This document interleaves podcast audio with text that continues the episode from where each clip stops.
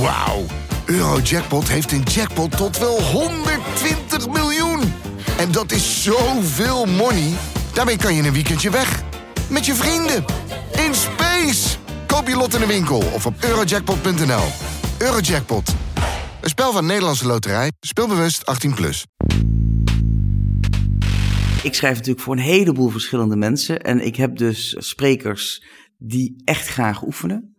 En die gewoon bij mij langskomen. Ik heb een spreekgestoel te staan en we oefenen. We nemen de tekst door. We kijken ook of er struikelwoorden in zitten. Woorden die niet lekker lopen. We kijken ook of het past bij de spreker. Dat merk je ook pas echt. Hè. Ik bedoel, ik hoor het natuurlijk in mijn hoofd terwijl ik aan het schrijven ben.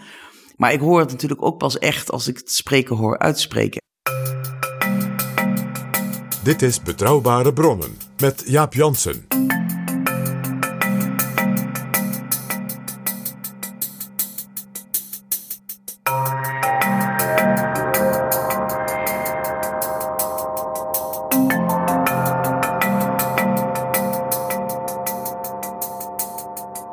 Hallo, welkom in Betrouwbare Bronnen, aflevering 293. En welkom ook PG. Dag Jaap. PG, we kunnen weer een aantal nieuwe vrienden van de show welkom heten. Magnifiek. En daarom dank jullie wel. Ronald, Chris, Eke, Jeroen en Peter.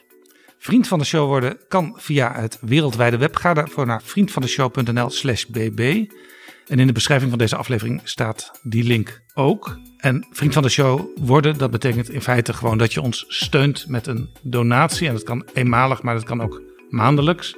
En de hoogte kun je zelf bepalen. En dat maakt dat wij weer heel veel nieuwe afleveringen kunnen maken.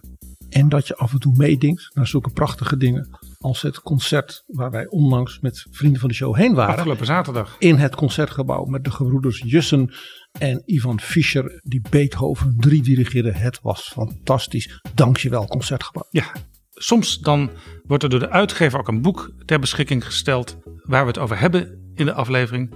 En dat gaat deze keer ook gebeuren. Luister maar aan het eind van deze aflevering. PG, op de dag dat deze aflevering verschijnt is het Prinsjesdag. Leven de koning. Die staat vooral in het teken van de troonrede, de belangrijkste jaarlijkse speech in Nederland. En dat lijkt mij een goede aanleiding om eens te gaan kijken hoe een speech in Nederland gemaakt wordt. En we hebben een gast die daarvan leeft, van het schrijven van toespraken. René Broekmeulen, al ruim 25 jaar speechschrijver van bewindslieden, voorzitters, CEO's, noem maar op. Ze heeft een speechschrijversvakschool opgericht en publiceerde onlangs het boek De Speechschrijver. Welkom in Betrouwbare Bronnen, René Broekmeulen. Leuk om hier te zijn.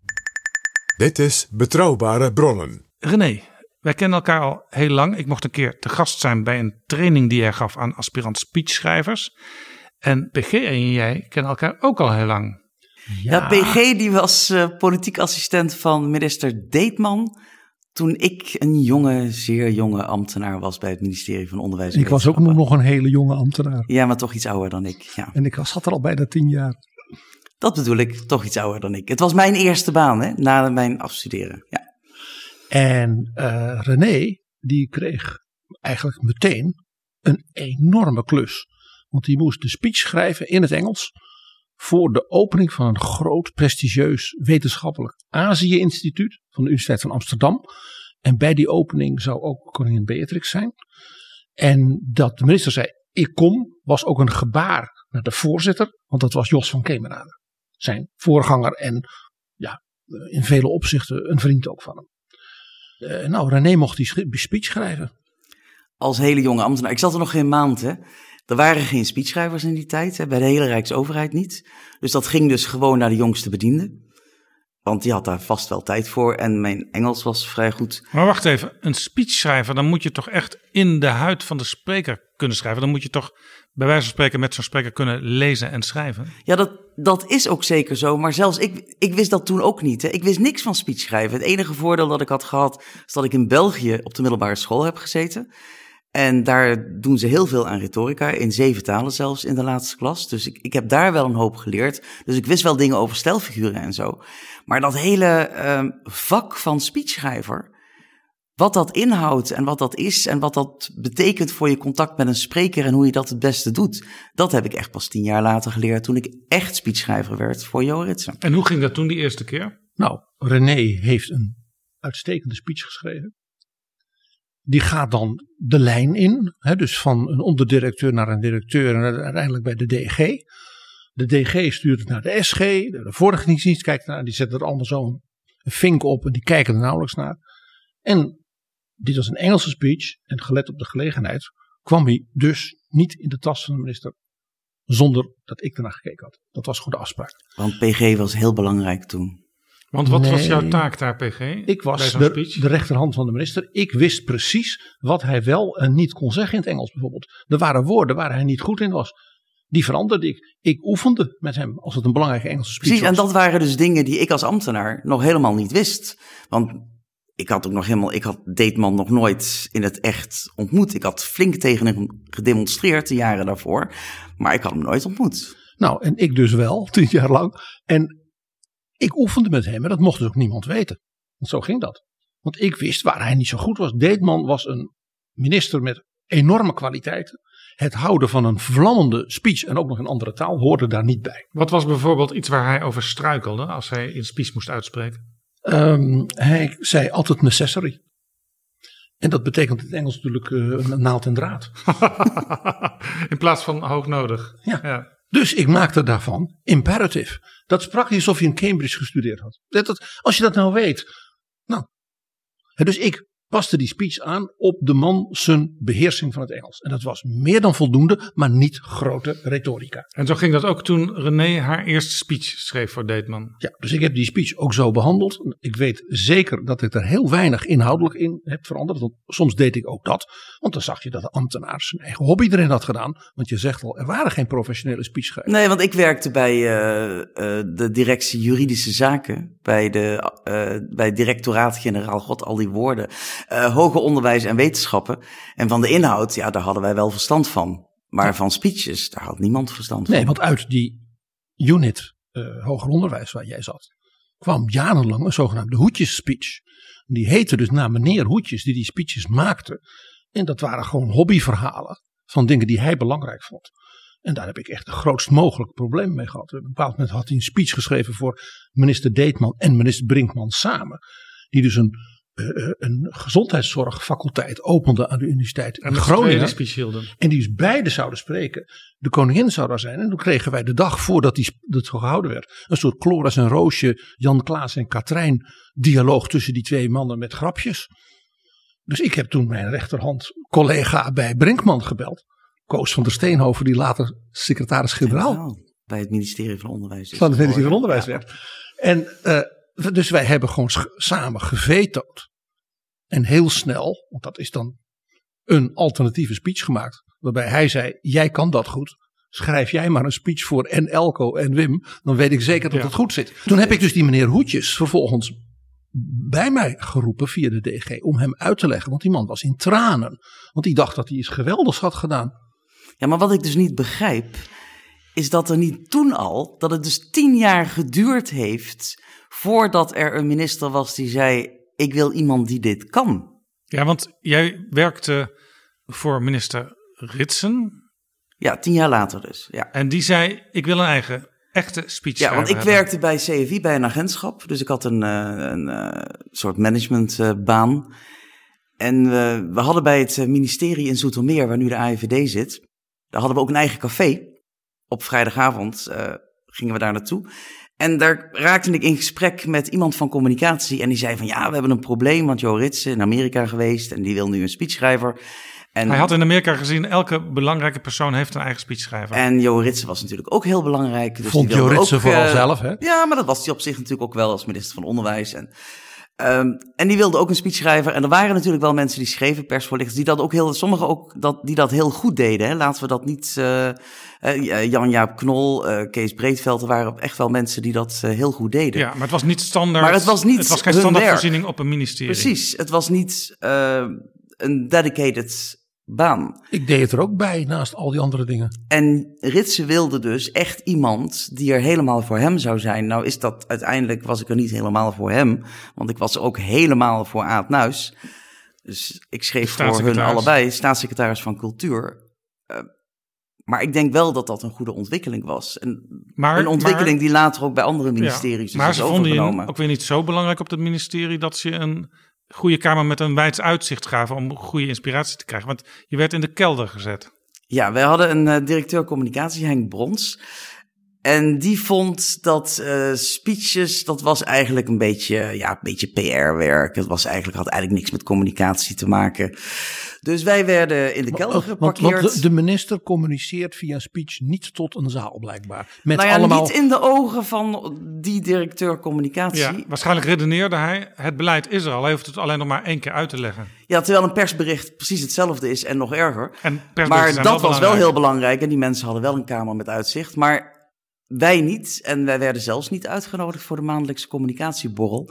Omdat Henk vond dat wij daar uh, niks te zoeken hadden. Want wij waren eigenlijk geen communicatiemensen. Speechschrijvers was geen OSM. Nee, wij waren niet zijn soort mensen. Overigens, misschien even ter verdediging van Henk Brons later. Hij is ook uh, directeur bij de RVD geworden. En heeft daar een speechschrijver aangenomen als, eer, als eerste speechschrijver voor een minister-president. Dus hij is wel van gedachten Oh, hij, absoluut. We hebben het er ook later over gehad. En bedoel, hij is echt van gedachten veranderd hoor. Ik bedoel, dat absoluut. Maar toen, en Henk was zeker niet, bedoel, ik noem nu Henk Brons. Maar Henk was zeker niet de enige. Ik denk dat bijna al zijn collega's bij de andere ministeries er precies hetzelfde over dachten. Ja, het feit dat de directeur voorlichting voor Henk Brons op het ministerie gewoon accepteerde dat de minister en later ook de staatssecretaris van de VVD, mevrouw Ginja Maas, zeiden: geen speech gaat mijn tas in zonder dat PG hem heeft gezien. Betekent dat zij dachten: PG vangt de problemen wel op. Ja, maar dus jij was ook, je moet ook niet vergeten dat jij ook een van de eerste politieke assistenten uh, was. Hè? Ja, ik bedacht ook mijn eigen baan. Precies. Die zijn er nu ook. Iedereen heeft nu een politiek assistent. Dat was toen ook niet. Hè? Deetman was de eerste die dat had. Dat was jij. En misschien dachten ze ook wel, anders heeft die arme PG misschien niks te doen. Nee, ik, had, ik had niks te doen, dat is waar. Dat is waar. Even nog even over die speech van René voor dat Azië-instituut. Want daar is een heel bijzonder verhaal aan. Vandaar dus, toen ik het boek las en ze vertelde, dat was mijn eerste speech, dat bij mij golven herinneringen terugkwamen. Want wat gebeurde er? De minister houdt die prachtige speech, groot applaus. De koningin wordt uitgezwaaid. De minister loopt met haar uh, naar de uitgang. En het blijkt dat dus de koningin kan nog weg. Maar er waren dus honderden ja, demonstranten. En toen heeft dus de universiteit de kleine fout gemaakt. De minister via de achteruitgang te laten vertrekken. En dat wist zijn chauffeur niet. Dus de minister loopt daar en die wordt dus overvallen door demonstranten. Is daarbij dus gemolesteerd. Uh, In zijn buik gestompt. geschopt. Uh, zijn bril was stuk. En uh, ja, die, die chauffeur die heeft dus echt enorm schuldgevoel gehad. Henkie werd hij genoemd, schat van een jongen. Eh, die, die had echt het gevoel, ik heb mijn minister in de steek gelaten. En, uh, en hij is ja, gewond. En nou ja, dat, dus die moest, ja, die was ook echt, die is geloof ik een week of twee gewoon, heeft hij niet kunnen werken. En de minister had dan weer schuldgevoel dat Henkie een schuldgevoel had. En de minister is ook als getuige geweest bij de zaak tegen de man die hem had geschopt. En toen heeft de minister gezegd van, uh, heeft hij ook met mij van tevoren besproken. Toen heeft hij gezegd, ja mijn bril was stuk, dus ik zal hem niet herkennen. Want hij had dus eigenlijk ook zelf het gevoel van, dit was heel vervelend, maar hier moet je dat niet... was toen ook een nationaal nieuwsfeit, hè? Dat, uh, dat dat allemaal gebeurde. Het was eigenlijk voor het eerst dat zeg maar, dit type demonstraties op die manier uit de hand liep. Voordat ik bij het ministerie van Onderwijs kwam, zat ik in het bestuur van de Landelijke Studentenvakbond en was voorzitter van het Landelijk Actiecomité. Dus heel veel demonstraties heb ik zelf uh, georganiseerd. En ik ben ook met speciale dispensatie van Deetman aangenomen bij het ministerie ja, maar van Deetman die was dus eigenlijk heel slim, want hij hield zich aan het adagium keep your enemies close. Ja, nou Ritsen was dan nog beter in, want in de tijd van Ritsen werd de Landelijke Studentenvakbond Maarten van Poelgeest en consorten iedere maand uitgenodigd voor overleg. Oh, dat, dat was in mijn tijd nog niet zo. Dat is leuk, dat heeft Deetman heeft dat eh, geïnitieerd. de studentenkamer, de studentenkamer is opgericht door Deetman. Want ik was er zelf bij. Bij de allereerste maar in ieder geval, uh, laten, we, laten we teruggaan naar het uh, onderwerp, de, de speeches. Maar je begrijpt dus, Jaap, dat die speech ja, die staat dus in mijn geheugen gebrand. Maar door de omstandigheden. De reden waarom die in mijn geheugen gebrand is, is omdat s'avonds bij Keek op de Week bij Van Verkoten en de Bie, omdat dit een item was, hè, wat Jaap net zei, dat ze dit noemden en dat ze het over Deetman hadden die een speech had gehouden in een buitenlandse taal, vermoedelijk Duits. Dat staat in mijn geheugen gegrift. Want als dat gezegd wordt over je allereerste speech. Ja, dat was Deetman zijn buitenlands zullen we het maar even heel breed zeggen, was een stuk slechter dan zijn Nederlands. Ja. En ja, dat maakte ze natuurlijk een goede grap over. Maar als je de speech geschreven hebt, dan vind je dat toch iets minder grappig. En Ja. het smaakte dus niet naar meer. Hoe ging dat trouwens eh, toen Jo Rits had gezegd: Ik wil nu een echte, volwaardige speech schrijven? Toen heeft hij ook wel eens gezegd tegen jou: eh, Ja, het lijkt wel of deze speech geschreven is met een vork. Ja, ik had ook nog wel wat te leren natuurlijk. Ik bedoel, ik had nog nooit een speechschrijver ontmoet. En we zijn dus daarom toen ook naar Amerika gegaan met een groepje op eh, kosten van de Fora. Dat is het eh, overleg van eh, directeuren voorlichting. De voorlichtingsraad die, De voorlichtingsraad. die regelmatig vergadert op eh, algemene zaken. Ja, op vrijdag met kroketten. Vergeet de kroketten Ook om een niet. beetje te voorkomen dat er rare dingen gebeuren die je niet van elkaar weet. Ja. En die hebben dus toen bedacht, omdat er dus steeds meer speechschrijvers bij de ministeries kwamen en wij toch allemaal een beetje, ja, het vak moesten leren en iedere keer toch zelf het wiel uit aan het vinden waren, hebben ze ons naar Amerika gestuurd voor een fact-finding mission. Dat was een leukste tien dagen. En wat was het belangrijkste wat je daar leerde in Amerika?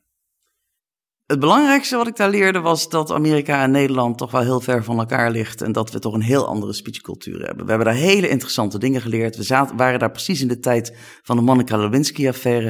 En daar werden bijvoorbeeld eh, op de universiteit op Harvard zijn we toen ook geweest. Speeches die daarover gingen, die werden uitgebreid geanalyseerd. En dat waren speeches waar toch wel heel veel passie in zat, heel veel emotie in zat, maar ook heel veel geloof. En nou is Nederland natuurlijk een heel gelovig land. Kijk maar naar dit kabinet. Maar we praten er niet over, hè? Niet in speeches. Ik bedoel, het is niet dat wij steeds God aanroepen en de Heer en dat we predikers citeren en de Bijbel. Maar in de Verenigde Staten is dat volstrekt normaal. Dus de tone of voice is heel anders. De, de beelden die gebruikt worden zijn heel anders. Maar ook de emotie, het beetje toch wat dominee-achtige. Dat hier in Nederland niet bij speeches Nee, past. dus als, als iemand hier denkt: wat is dat een geweldige speech van die president of van die kandidaat of eh, noem maar op, dan is dat helemaal niet één op één toepasbaar in Nederland. Nee, helemaal niet. Want ik denk als je bijvoorbeeld de speeches van Obama, wat natuurlijk een fantastische spreker eh, was, maar als je de speeches van Obama één op één zou vertalen in het Nederlands, dan zouden ze afgefakkeld worden door journalisten hier. Omdat ze dan te veel eh, emotie zouden hebben, omdat ze te gedragen zouden zijn. Te veel gospel. Nou ja, maar dat lezen we sowieso. Hè? De- kijk, als je. Soms als we een hele mooie speech schrijven, dan lees je de volgende dag in de krant van een slimme journalist, een kritische journalist, die dan zegt van ja, het was wel een heel retorisch verhaal. Dat is in Nederland negatief, hè? Terwijl retorica is gewoon de kunst van de welsprekendheid. Dat is wat wij doen. En in de Verenigde Staten vinden ze dat volstrekt normaal. Maar hier in Nederland wordt daar onmiddellijk met wantrouwen naar gekeken. Er wordt onmiddellijk gedacht Eigenlijk van, zeg je oh, dan, als je iemand die wil mij iets verkopen wat ik niet wil hebben. retorica afkeurend gebruikt, ik hou niet van mensen die goed kunnen spreken. Nee, want welsprekendheid is verdacht in Nederland. Mag ik een vraag stellen? Absoluut. Zij was in Amerika. Hebben jullie bijles gehad van Peggy Noonan? Nee, die heb ik niet ontmoet. Dat was wel een van onze Ja. grote heldinnen. Peggy Noonan was de speechschrijver van Ronald Reagan. En die en was die heeft daar heel prachtige jong. boeken over geschreven. Ja, en ze was heel jong toen ze werd benoemd. Ze had zijn kleindochter kunnen zijn. Maar Peggy die heeft daar eh, twee mooie boeken over geschreven. Eén is What I Saw at the Revolution. Dat gaat echt over haar tijd als speechschrijver bij Ronald Reagan. Wat wij ongelooflijk herkenbaar vonden. Eh, De, de wisselwerking tussen speechschrijvers en beleidsmedewerkers. De toegang tot je spreker, hoe moeizaam dat is. Nou, ja, dat soort dingen De allemaal. lagen die verhinderen Ja. dat jij in het Oval Office komt. Ja, en ook dat, dat daar is later nog een, een nog beter boek over geschreven, geschreven The White House Ghost van eh Schlesinger. Ja, ja, dat is ook een beetje die metafoor van je wordt in de kelder geplaatst. Maar dat, dat geldt eh, vaak voor mensen die speeches maken. Eh, je hebt niet altijd gelegenheid en tijd om goed met de spreker het door te nemen. Nee, dat is een van de grootste eh, punten waar wij onderling als speechschrijvers over praten. Over de toegang tot de spreker en hoe moeizaam het is. Ja, op jullie borrels bijvoorbeeld. eh, Van, Op de, onze van de. Vereniging van Ja. Speechschrijvers. Het dode paard, zoals wij dat noemen. Waarom heet dat het dode paard? Ja, dat heet het dode paard omdat we twintig jaar geleden begonnen we dus bijeenkomsten te organiseren omdat speeches schrijven Meestal zeg je aan een eenzaam dood beroep is. paard moet je niet trekken. Nee, nou, dat, dat- daar komt het ook vandaan. Maar we schrijven het wel natuurlijk op oud-Hollandse wijze. Dat, eh, PG zal dat zeker waarderen. Maar wij zaten we hadden iets georganiseerd en er was eigenlijk bijna niemand op afgekomen. En toen zaten we in de keuken van een van ons, zaten we toch wel flink dronken te worden. En toen zei iemand bijna huilend: Het is als trekken aan een dood paard.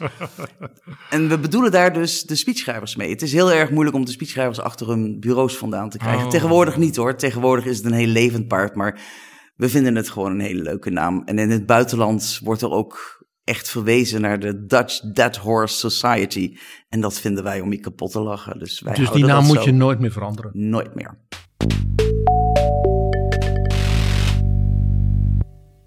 Leden der Staten-Generaal. Weer ligt een jaar achter ons van scherpe tegenstellingen in de wereld en van toenemende zorgen van ons volk. De internationale spanningen duren voort en werken ongunstig in op de economische en sociale verhoudingen. René, toen ik jou eh, uitnodigde voor deze aflevering, eh, toen zei ik ja, we gaan hem brengen op de dag van de troonrede. En ja, de naam zegt het al, troonrede. Iedereen kijkt ernaar en als je aan het werk bent, dan krijg je in ieder geval vleugjes van mee gedurende de rest van de dag en zelfs eh, de rest van de week. Wat is er zo bijzonder aan die troonrede? Maar wat er vooral zo bijzonder aan is, is dat de troonrede geen speech is. Dat de troonrede vaak gebruikt wordt van, als voorbeeld van zie je wel dat we in Nederland geen speechcultuur hebben. Want kijk maar naar de troonrede, daar is toch niet naar te luisteren. Ja, maar het is een rede, dus... dus Het, is dus een het heet een rede. toespraak. Nee, het heet een rede. Maar eigenlijk is het zoals Shaila Setalsing ooit een keer schreef, het is eigenlijk een persbericht. Het voldoet niet aan de voorwaarden voor een speech, want een speech is niet alleen informatieoverdracht. Een speech is ook om te inspireren en te enthousiasmeren en voor een, een, eh, eh, om een verbinding te leggen tussen de spreker en het publiek. En dat zijn allemaal dingen die hier niet gebeuren. Die troonrede is een soort boodschappenlijstje. Hè? Eh, ik heb ooit les gehad van Herman Cenk Willink. En die zei toen, let even goed op, dinsdag bij de troonrede. Eén ministerie wordt niet genoemd. Daar gaan we het volgende keer over hebben welk ministerie dat is en waarom dat is. Dus blijkbaar gaan op de ministeries alle ambtenaren ervan uit. Ergens in die hele opsomming zit ons ministerie. Ja, het is ook een opsomming. Het is een, het is een eh, boodschappenlijst. En die boodschappenlijst die wordt samengesteld door de raadsadviseurs van het ministerie van Algemene Zaken. eh, die contact hebben met, met de verschillende Ja, ministeries. even voor en de vicepremiers en de premier. Bij de medewerkers van Mark Rutte, de premier, zitten een aantal hooggeplaatste adviseurs. die elke dag eh, door Rutte geraadpleegd worden. En die zijn in feite een soort schaduwministerie in hun eentje. Eh, bijvoorbeeld, er is een raadsadviseur voor Buitenlandse Zaken, er is er eentje voor Landbouw, noem maar op. Eh, en die maken dus samen. eh, Die leveren, die die aan elementen aan voor die speech. Dat wordt dan ook besproken in het eh, met Rutte en de, de vicepremiers en de speechschrijver. Want het is de speechschrijver van Mark Rutte die de speech schrijft en niet de speechschrijver van de koning. Rutte en de koning hebben wel vooroverleg, maar de speechschrijver van de koning heeft hier geen bemoeienis Ja, want de mee. koning die heeft een eigen speechschrijver, die heet Jan Snoek. En die wordt ook heel erg gewaardeerd, juist om zijn inlevende teksten. Ja, en dat valt niet mee voor de koning.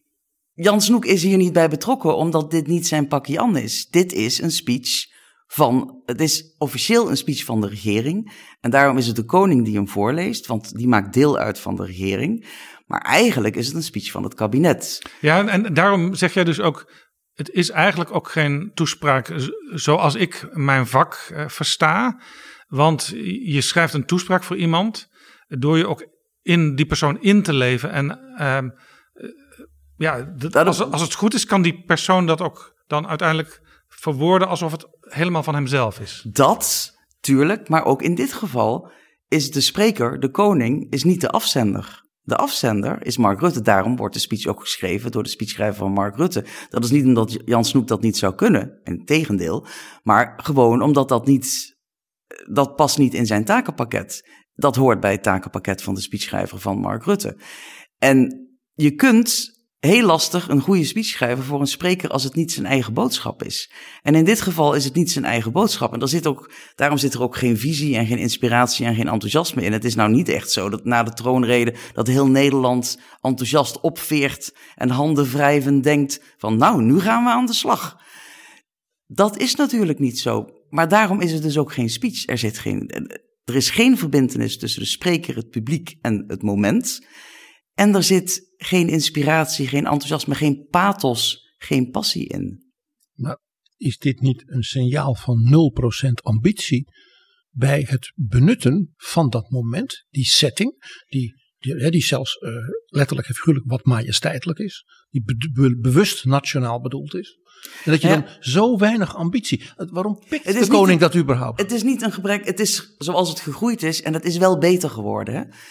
De speechschrijver van Mark Rutte doet de afgelopen jaren absoluut zijn uiterste best om er iets moois van te maken. Hè, We hebben tegenwoordig een kop en een staart. Hè, We hebben tegenwoordig een, de speech wordt mooi, het verhaal, de troonrede wordt mooi rondgemaakt. Ja, er komt aan het einde er iets zit meer in het spreektaal in. Ja, er zit meer spreektaal in. ehm, er worden allerlei el- speech-elementen toegevoegd.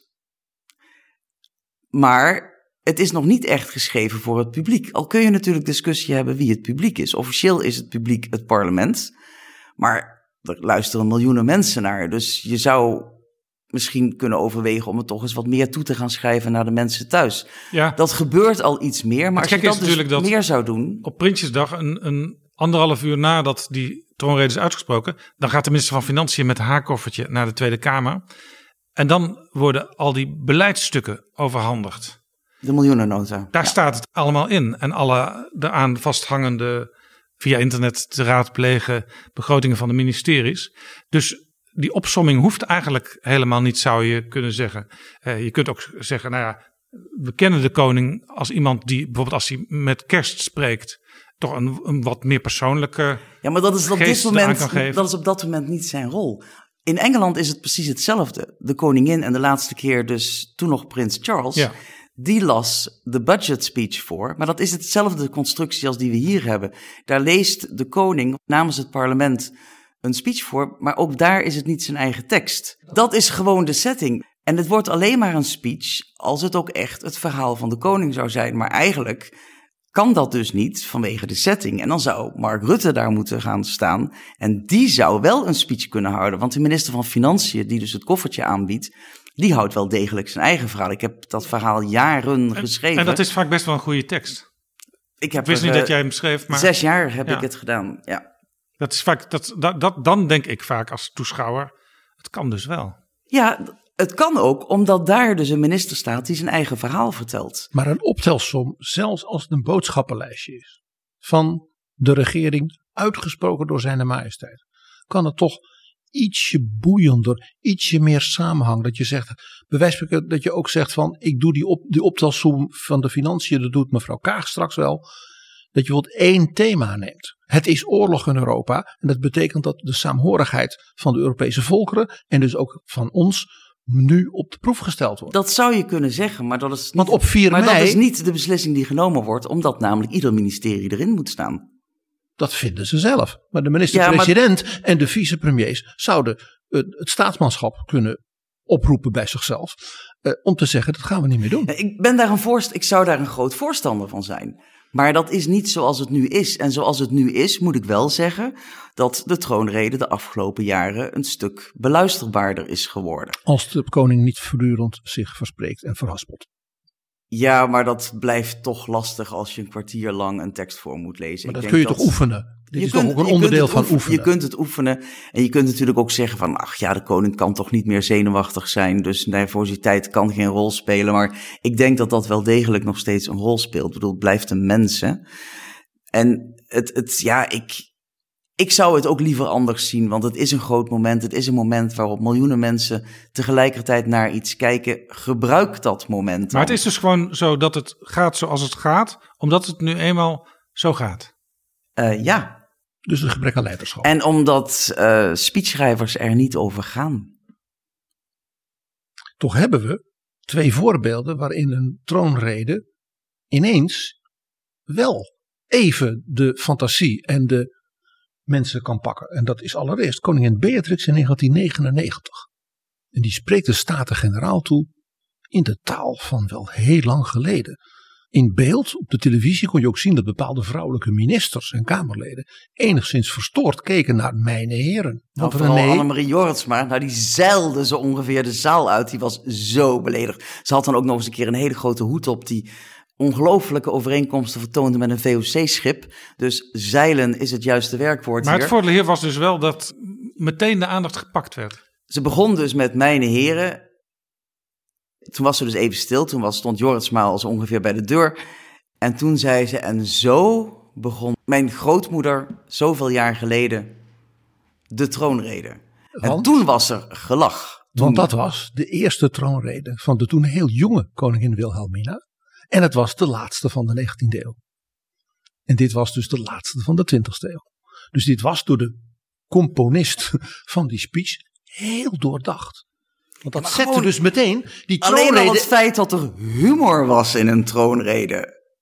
Dat was wel een opstekertje. Ja, en ook vooral dus hè, een koningin aan het eind van die eeuw. En we zijn nu 100 jaar later. Dus dat zette die troonrede ook meteen in de continuïteit van de monarchie. Dus dat was voor de, de firm natuurlijk heel nuttig eh, dat Beatrix dat deed. Maar het zette ook iets van. Na 100 jaar, waar zijn we nu en waar gaan we naartoe? Ja, maar het zette ook de toon. Er zat een, het maakte het wat luchtiger. Sowieso is humor in speeches hè, is een goede manier, een vorm van pathos. En ook een hele goede manier om mensen te overtuigen. Als je humor gebruikt. Als, mensen, als, je mensen aan het lachen, als je mensen aan het lachen brengt, zijn ze eerder geneigd om met je mee te gaan dan wanneer je dat niet doet. tweede mooie voorbeeld was in 2016. Toen was in die zomer Piet de Jong overleden. En dat was geen grote zeg maar, nationale begrafenis geworden. Het was heel warm en iedereen was op vakantie. En hij was ook al heel erg oud.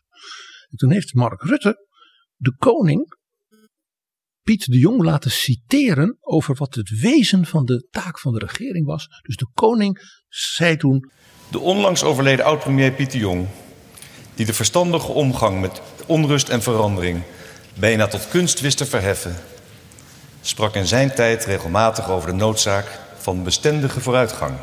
Hij zei eens: Het is een taak van de regering uit te kijken naar wat de toekomst moet worden en zo tijdig als mogelijk is aanpassingen tot stand te brengen die nodig zijn om de kansen te grijpen die de toekomst biedt. een van de nou, meest wijze opmerkingen van Piet de Jong. Prachtig. Maar dat bedoel ik dus, dat er tegenwoordig wel naar gestreefd wordt om er iets interessants in te zetten, om een mooi begin te doen.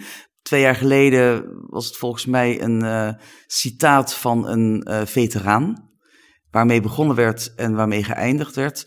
Dus het wordt wel geprobeerd, hè. Er wordt wel steeds meer aandacht aan, aan besteed. Het is niet meer alleen maar een boodschappenlijstje, maar het is natuurlijk verschrikkelijk moeilijk om de essentie van dat boodschappenlijstje, die moet bewaard blijven. En om er dan dus wat moois van te maken. En omdat het een compromistekst is, dus je kunt, niet allemaal, eh, je kunt het niet allemaal wat eenvoudiger uitleggen. Waar ik een groot voorstander van ben. Want dan gaat de nuance verloren. En als beleidsmedewerkers en ministers ergens ongelooflijk blij van worden, dan is het wel van 83 punten na de komma. Ja, en wat zo'n toonrede natuurlijk ook een onmogelijk iets maakt, is de ministeriële verantwoordelijkheid. Want hier spreekt iemand ja, die, die zelf de uitleg er niet bij kan geven. Dat Die ook geen mening mag doen. hebben. Er was ooit een rel over de troonrede toen Lubbers had gezegd dat het met de natuur in ons land beter ging. En hij noemde een aantal details daarbij. En dat bleek niet te kloppen. En toen wa- waren er ook wel politici die het een beetje zeiden van ja, hier heeft hij eh, de majesteit mee opgezadeld met deze onwaarheid. Met name water en lucht. Het ging vooral om het gebruik van met name. Met name betekent vooral. Expliciet. Expliciet dat. Alleen dat eigenlijk. En het was gewoon het verkeerde gebruik van een woord. Zo Ja. zie je dus ook weer hoe belangrijk het werk van een speechschrijver is. Want een speechschrijver moet dan een premier en daarmee dus ook de koning beschermen.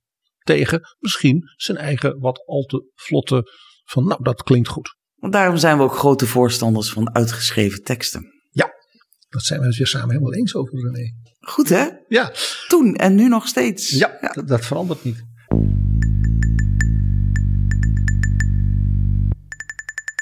René, je boek heet De Speechschrijver, de kunst en kunde van een goede toespraak. In Nederland is het een jong vak, zei je al. eh, maar het stamt uit de Grieks-Romeinse tijd. Ja.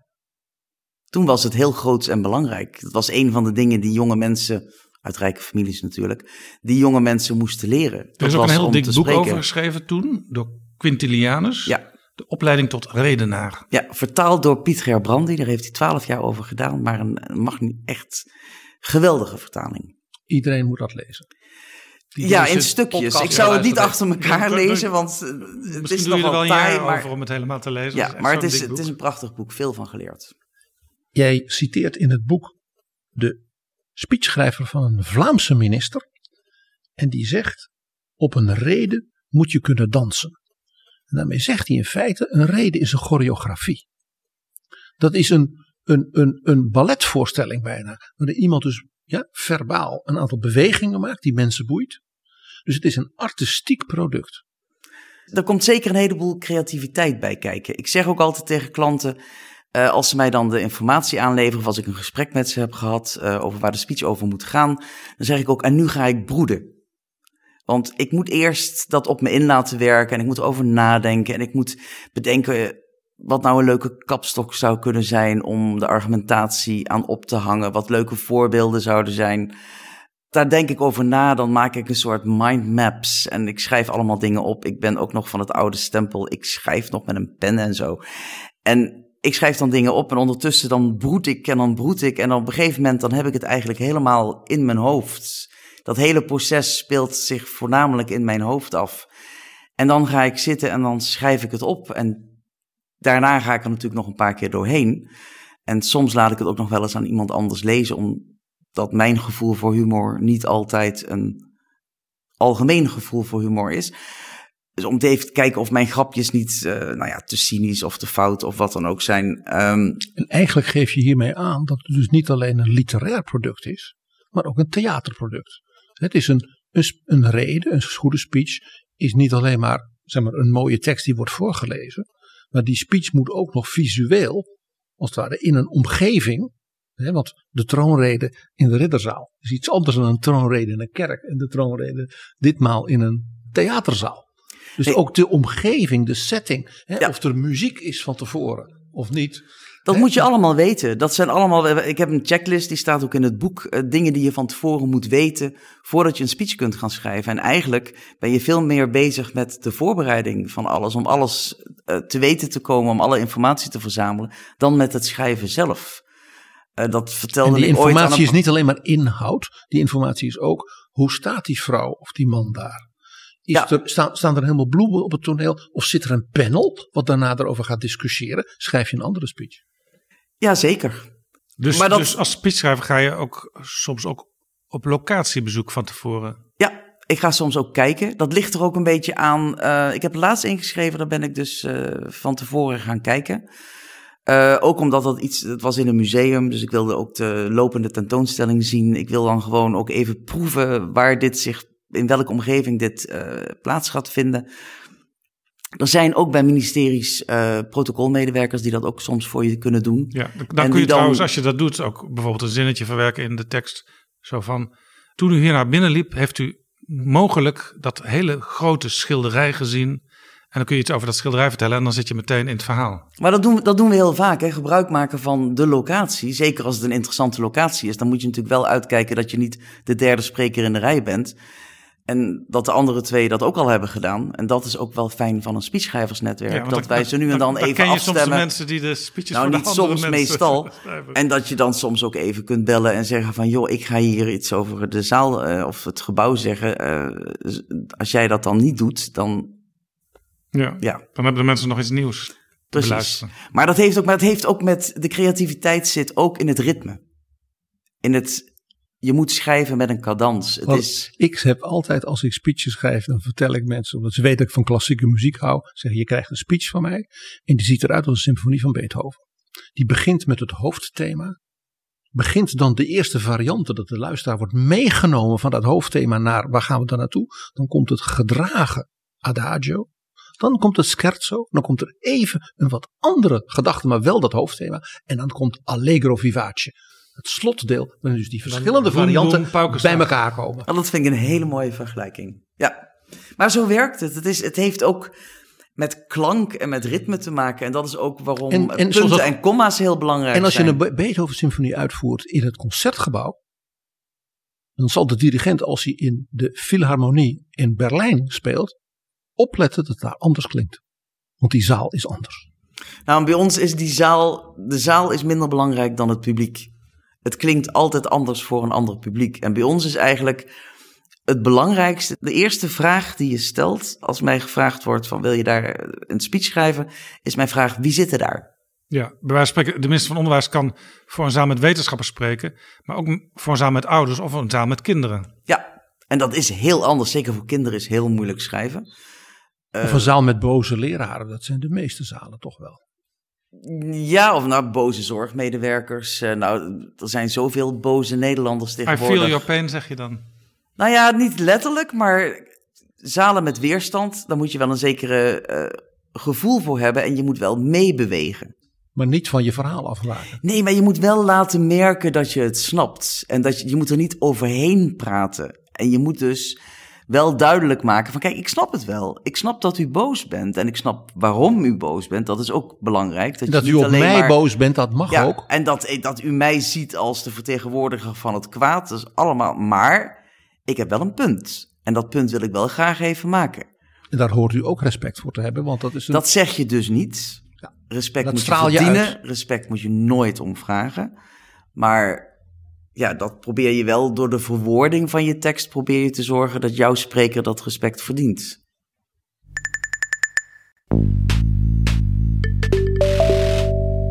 Dit is Betrouwbare Bronnen, een podcast met betrouwbare bronnen.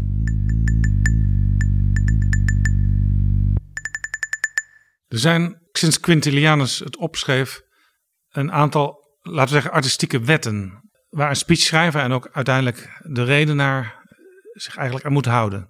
Nou, niet aan moet houden. Er zijn uh, overtuigingsmiddelen gedefinieerd. Wat werkt? Nou, Aristoteles heeft dat eerst gedaan. Quintilianus die, die schrijft daar ook over. En die breidt dat uit, hè, die werkt dat verder uit. De basis is drie. Daar, daar worden wij mee grootgebracht als speechschrijver. Daar breng ik mijn uh, beginnende speechschrijvers mee groot. En dat is ethos, pathos en logos. Een ethos dat is dat je in een speech je eigen geloofwaardigheid moet bevestigen. Door betrouwbaar te zijn, door deskundig te zijn, door welwillend te zijn ten opzichte van het publiek. Eigenlijk je uitstraling. Dat is je uitstraling. Je reputatie noemen we dat tegenwoordig. Hè? Dat reputatiemanagement. eigenlijk er zit ook een beetje misschien het woord ethiek in. Daar zit ook je moet een zekere zuiverheid uitstralen. Je moet, Quintilianus zegt, je moet een goed mens zijn om een goede redenaar te zijn. Ze moeten geloven dat wat jij zegt waar is. Je zou willen dat het waar was, maar ze moeten inderdaad wel geloven dat wat je zegt, dat dat waar is. Ja, de andere is pathos, dat is de passie, de emotie. Dat gebruik je om, ja, om mensen in je verhaal te trekken, maar ook om, om mensen jou uh, inspiratie en jouw enthousiasme mee te geven. En je haalt die mensen dus een beetje uit hun comfortzone en uit wat ze al wisten en verwachten. En je brengt ze naar iets nieuws. Daar gebruik je emotie voor. Nou, je gebruikt dat kan ook emotie, humor zijn. Nou ja, je gebruikt pathos uh, vooral door verhalen te vertellen of voorbeelden te gebruiken. Want en in iedere speech zit wel een vorm van een redenering. Dus dan gebruik je argumenten. En die argumenten moet je onderbouwen het argument op zichzelf is helemaal niks. Maar die onderbouwing van die argumenten, dat is eigenlijk, en dat is ook het derde element, logos, hè, de logica, de, de inhoud, de logische inhoud, de logische argumentatie. Maar die logische argumentatie, die is eigenlijk kaal. Die moet vlees op de botten krijgen. En die vlees, dat vlees op de botten, dat zit vaak in de pathos, in verhalen vertellen, voorbeelden geven. Want als je alleen die logische argumentatie gebruikt, dan is het inderdaad niet veel meer dan een persbericht dan is het niet veel meer dan een persbericht. Er zijn natuurlijk heel veel sprekers, uh, nu niet meer, maar uh, in mijn beginjaren, die zoiets hadden van geef mij maar de feiten. En dat het heel moeilijk wel is, de soms, soms nog steeds. Ja, dus de, de feiten spreken voor zich. Hè, dat uh, dat met, bewindslieden ook vooral opvoedend bezig waren, informatieoverdracht. Maar dat het ook wel steeds meer nu zo is dat mensen ook wel snappen dat overtuigen dat dat niet alleen maar de feiten zijn. Dat is soms nog wel moeilijk. Niet alle sprekers beseffen dat. Die hebben zoiets van: ja, maar als ik die feiten oplepel, dan is het goed. Maar dan is de speech ook sowieso niet interessant om naar te luisteren. Kijk maar naar de troonrede. En je moet het ook een beetje leuk maken. Vroeger had je natuurlijk het Polygoonjournaal. En dat was in de bioscoop te zien oorspronkelijk. Daar hoorde je eigenlijk nooit, of soms, soms een flart van een spreker. En de, de, de nieuwslezer, Philip Bloemendaal, die bracht het met veel pathos eigenlijk, wat daar gebeurde. Dus hij trok wel de mensen mee in het verhaal, waar de mensen zelf eigenlijk de spreker nauwelijks hoorden. Al zat de pathos bij Bloemendaal niet in zijn stem, maar in de woorden die hij gebruikte. En in de setting, want men zag dit in de bioscoop. De door de koningin uitgesproken troonrede was nuchter, bondig en van verstrekkende betekenis. Leden der Staten-Generaal. Een zeer bewogen jaar ligt achter ons. Maar dat is interessant dus, hè? In een tijd dat uh, de televisie eigenlijk nog nauwelijks een rol speelde. Uh, het journaal was in de bioscoop. De journalist, de nieuwslezer, die wist wel hoe die het moest brengen.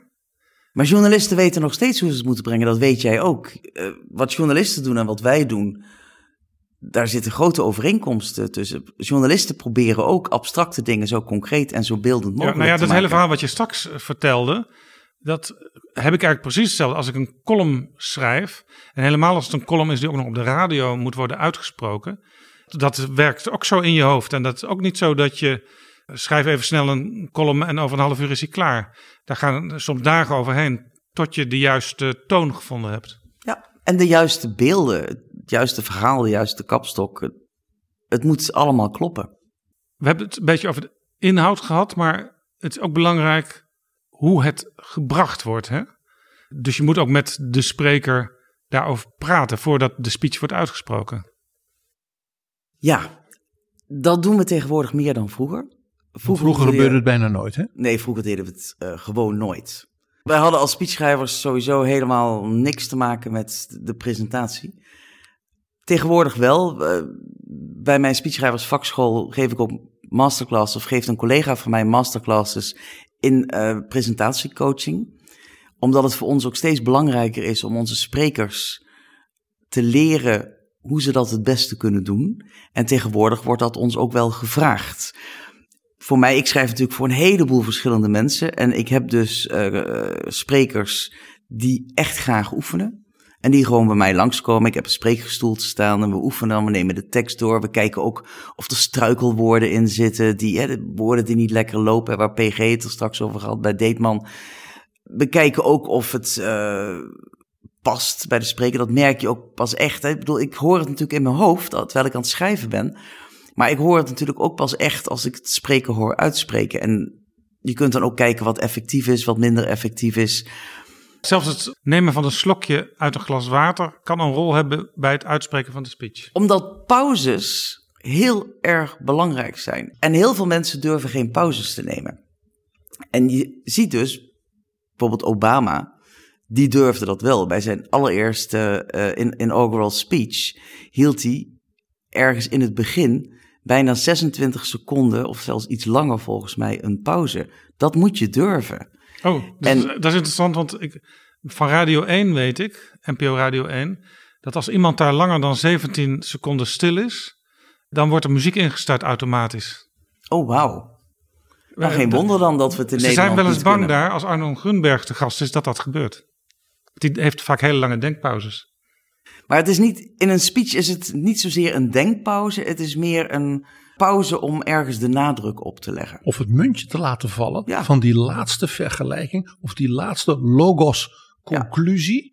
Begrijpt u nu waarom we deze moeilijke maatregel wel degelijk gaan nemen, dames en heren? En ja, dat gaat pijn doen. En als je dan zegt, en overigens, bedoel, Ja. nee, dan, Dan daalt het niet in. Ja. Maar het straalt ook rust uit.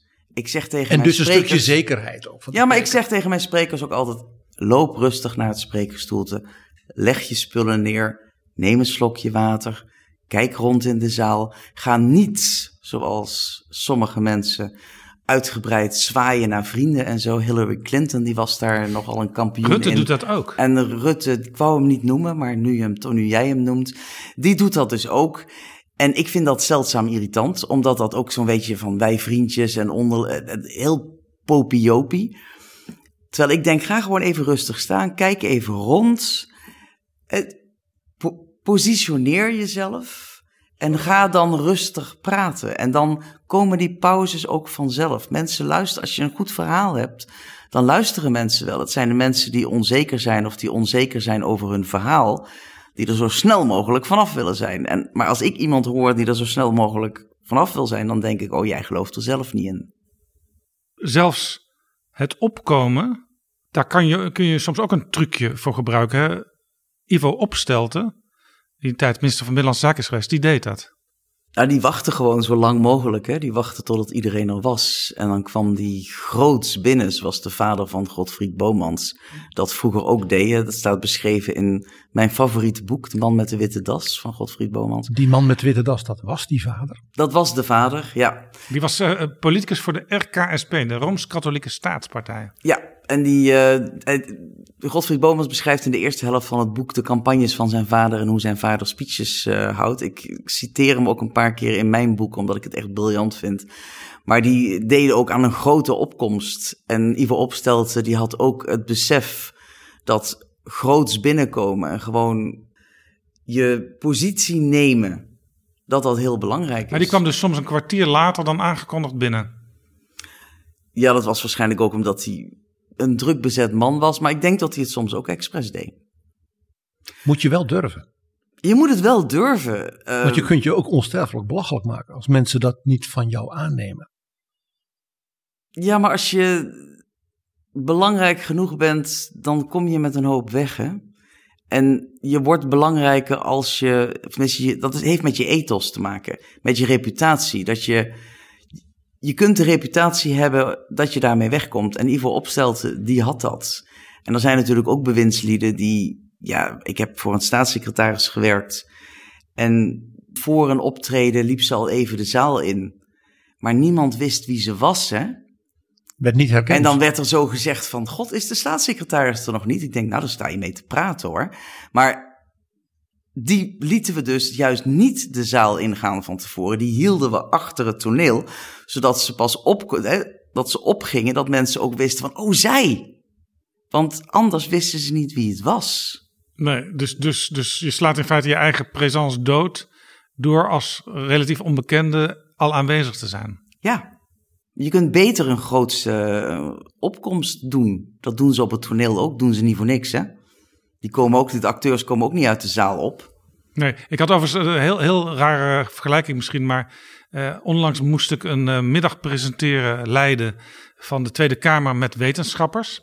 En ik wilde even weten, een paar mensen zag ik nog niet in de zaal zitten, maar ik moest wel weten voor uh, het leiden van die bijeenkomst of ze er waren. Dus ik ging dat even vragen aan een mevrouw die het organiseerde, maar die was in de gang aan het bellen.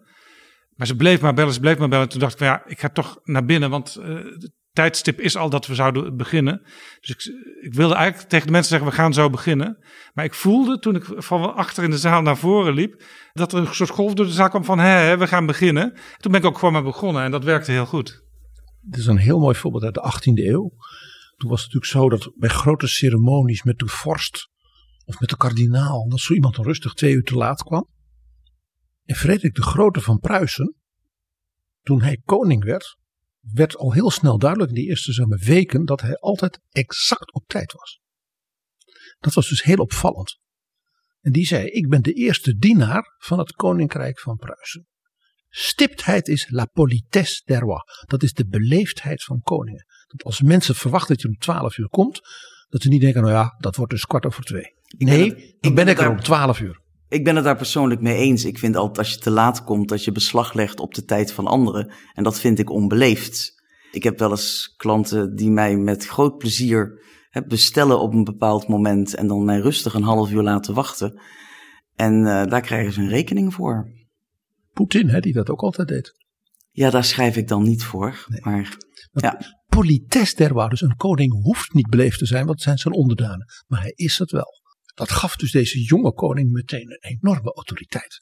En die stiptheid ook van, oh, die laat zich dus niet zomaar. Ja, maar zo zie je dat, hoe reputatie werkt, hoe ethos werkt. Daar is, dat is niet vast te pinnen. Dat is het. Hij maakte die, hij maakte die dus zelf. Waar wij, het moeilijkste element waar wij aan werken. Ik, mensen hebben mij wel eens een mannetjesmaker genoemd. Maar het moeilijke is dus juist dat ethos. Want dat is van de spreker zelf. En daar kunnen wij door bepaalde woorden en te zorgen dat hij op de goede manier opkomt en zo, kunnen we wel een kleine invloed op uitoefenen. Maar eigenlijk niet. Sowieso omdat die reputatie ook bepaald wordt door alles wat iemand buiten het spreekgestoelte doet. En daar heb ik helemaal niks mee te En dan helpt het dus ook als je eh, van tevoren, liefst ruim van tevoren, met die spreker een klein beetje kunt brainstormen. Ja, het, het helpt heel erg als ik een spreker van tevoren kan spreken. Al ook al omdat ik wil weten hoe iemand praat, of iemand gevoel voor ritme heeft, of iemand gevoel voor humor heeft, of iemand in staat is om een verhaal te vertellen zonder 187 details. Stopwoord. Stopwoordjes, ja, al moet je stopwoordjes soms ook gebruiken, omdat het daardoor authentiek is. En je moet wel dicht bij je spreker blijven, maar ik wil mensen wel spreken. Al is het tegenwoordig, wat ik al zei, ik schrijf voor heel veel verschillende mensen.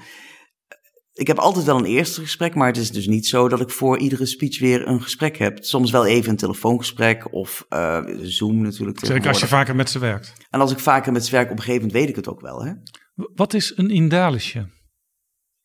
Oh, een indalisje, dat is... Uh, Indales die uh, had ooit een speech. En, uh, minister van Binnenlandse Zaken? Minister, minister, van Binnenlandse Zaken, voor mijn tijd trouwens. Uh, ik had dit niet geschreven, ik was hier graag bij geweest trouwens. Pakte haar speech en zei, oh, dat is geschiedenis. En sloeg, dus ondertussen de bladzijden om. Dit is geschiedenis, geschiedenis, geschiedenis. Ah, hier begint hij echt. En dat hoorde je haar kennende haar een beetje brommend zeggen en het ja. was te volgen. En wat ze daarna dus ook nog deed, was... Uh, oh ja, en voor mijn speechschrijver, dit schrijf je met DT. Wauw. Uh, je, je, had ook een keer een speech geschreven voor Aad Nuis. Met een mooi stuk van een gedicht erin. En Aad Nuis zei juist over dat stukje. Ik zal nu maar niet die bekende dichtregel aanhalen, want die kent u ongetwijfeld allemaal. Ja, dat was mijn allereerste speech voor Aad Nuis, ook nog op mijn verjaardag. En dat was in, uh, in Gorkum en hij stond daar op een bepaald punt waar je precies dus naar al die rivieren kijkt. En ik had dus een dichtregel gevonden in een boek, dat is een geweldig boek voor speechschrijvers trouwens, Querido's literaire reisgids, waar dus echt van iedere woonplaats, ieder dorp, ieder gat in Nederland staat of een dichter of schilder daar ooit zijn grote teen in een rivier heeft gedoopt. Echt briljant. Maar ik had daar dus die dichtregel gevonden, maar niet van wie die was. Dus in die tijd was er nog geen internet, dus ik had echt een dag in de Koninklijke Bibliotheek gezeten, want zo ging dat toen. Alle dichtbundels. Om uit te zoeken van wie dat was. En dat was dus van Tollens, had ik gevonden. Dus dat had ik in de speech gezet. En verdomd, wat doet hij? Hij zegt, en deze dichtregel die ik u niet hoef voor te lezen. Nou, ik denk, daar gaat mijn werk.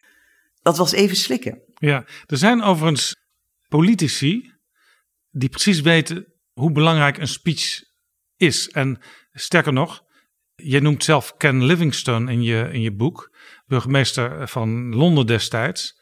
Hij had altijd een speech bij zich, sterker nog, die zat in zijn hoofd voor het geval er een aanslag zou worden gepleegd. Ja. Hij was voorbereid. Hij wist natuurlijk dat het zou komen.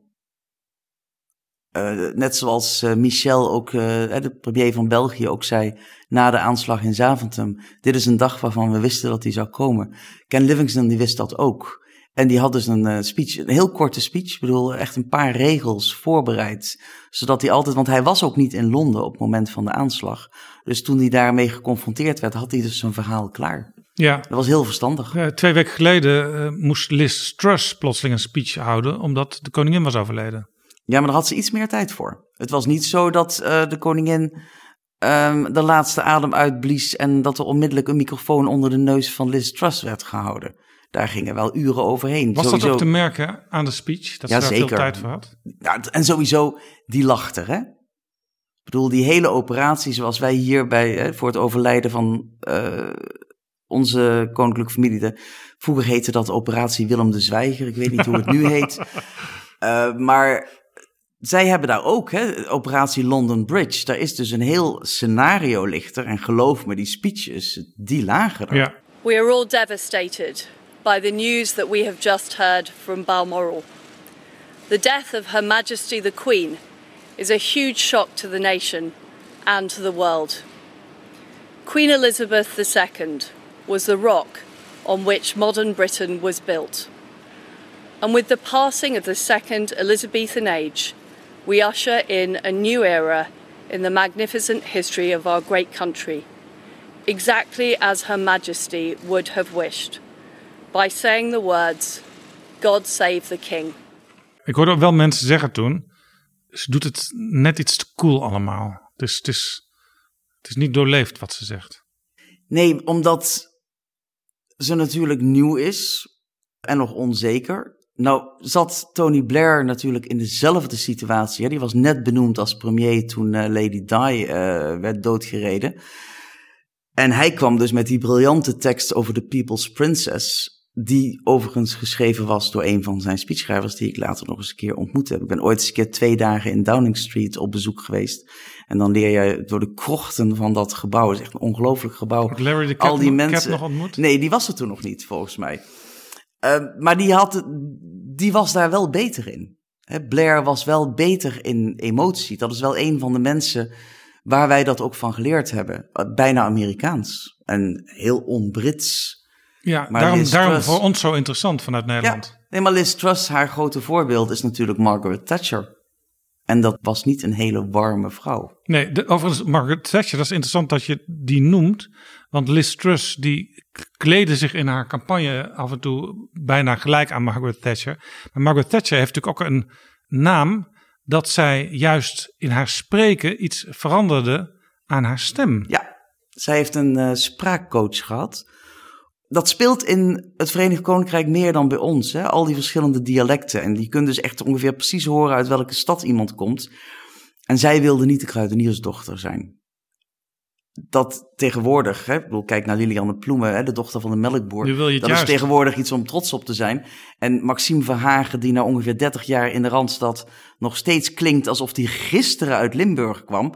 Maar dat doen wij. Hè, dat, in Engeland is dat belangrijk om van dat accent af te komen. Ze- Niet echt BBC English, want eigenlijk niemand Maar er praat speelde BBC nog iets, hè? English, Want maar- ehm, ik, ik heb bijvoorbeeld wel eens gehoord op de vraag waarom zijn er zo weinig in Nederland zo weinig eh, vrouwelijke DJ's op de radio. Dat is omdat de, die mannen hebben zwaardere stemmen. En op de een of andere manier maakt dat het, ja, dat het, dat het beter binnenkomt. een zwaardere stem geeft autoriteit. Thatcher ging haar stem dus verzwaren. Ik doe dat soms ook bij sommige klanten. Als ze wat meer autoriteit moeten krijgen, dat ik een spraakcoach inhuur om te zorgen dat hun stem lager wordt.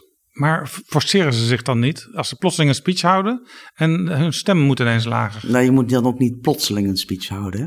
Het moet dan een goed voorbereide speech zijn. Eh, want plotseling werkt nooit, maar op een gegeven moment wennen ze er ook aan. Hè? En in sommige omstandigheden is een hoge stem, kijk maar naar Linda de Mol. Ik bedoel, dat is ook is iemand met een hoge stem die wel autoriteit heeft. Dus in sommige kringen en in sommige omstandigheden is die lage stem niet nodig. Wanneer wel? Nou, als je een beetje als een staatsman-vrouw wil klinken.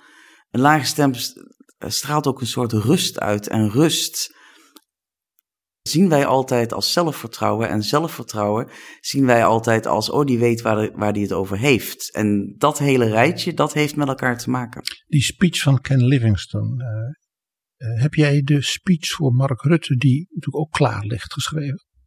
Nee, ik schrijf niet voor Mark Rutte. Maar hij zal die speech wel hebben klaar liggen. Zonder enige twijfel. In every country in the world, young men and women, and boys and girls will go to sleep dreaming that in seven years they will come to this city to run faster and jump higher and throw farther than anyone has done before. And for everyone who dreams of that, a thousand dream of coming to this city to study, or to become surgeons, or to create new products and processes the world has not yet envisaged. It's what makes this city great. It's a city that embraces change, and it is a city which is the most tolerant in the world. Those who came here to kill last Thursday had many goals, but one was that we should turn on each other like animals trapped in a cage. And they failed. They failed totally and utterly.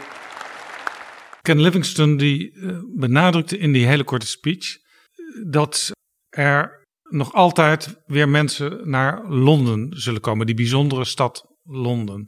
Dus eigenlijk eh, sloeg hij ook meteen weer de brug naar het verder leven als stedelingen samen met alle mensen die nog naar Londen toe zullen komen. Burgemeester Halsema van Amsterdam die kende die speech blijkbaar. Want er was een steekincident op het Centraal Station op 31 augustus 2018. En toen zei ze: Ik hoop dat de Amsterdammers gewoon doorgaan met hun leven. Ja, mensen luisteren naar elkaar, hè? al die, uh, en zeker die speech van Ken Livingstone, die is natuurlijk zo bekend geworden. En de speech van, uh, van Lucinda Ardern, hè, van They Are Nieuw-Zeeland. Us. Dat in Nieuw-Zeeland na de aanslag daar in Christchurch, dat They Are Us, dat is ook zo'n gevleugelde uitspraak. Dat het zou me niet verbazen dat als er hier iets gebeurt, dat in dezelfde soort omstandigheden, dat er een zin zal zijn die daarop lijkt. Ask not what your country can do for you. Ask what you can do for ja, your dat country. is gewoon een stijlfiguur. Dat is een stijlfiguur, dat heet een chiasme, oftewel een kruisstelling, of een turning raincoat noemen ze het in Amerika. En dat is een, een omkering die heel erg uh, soundbite-achtig klinkt. En dat vinden we mooi. En dat klinkt ook een beetje als spreekwoordelijk. En in Nederland zijn wij sowieso dol op dingen die als een spreekwoord klinken. Sterker nog, die, deze quote van JFK, die wordt soms nog letterlijk ook in Nederlandse speeches gebruikt voor een heel ander onderwerp. Geplagieerd. Ja, dan is geplagieerd. het, nou, niet geplagieerd, dat noemen we een uh, allusie. Dat je alludeert naar een bekende uitspraak of dat je alludeert naar wat in Nederland, hè, gezien ons uh, rijke culturele verleden, als je dus alludeert naar een reclameboodschap.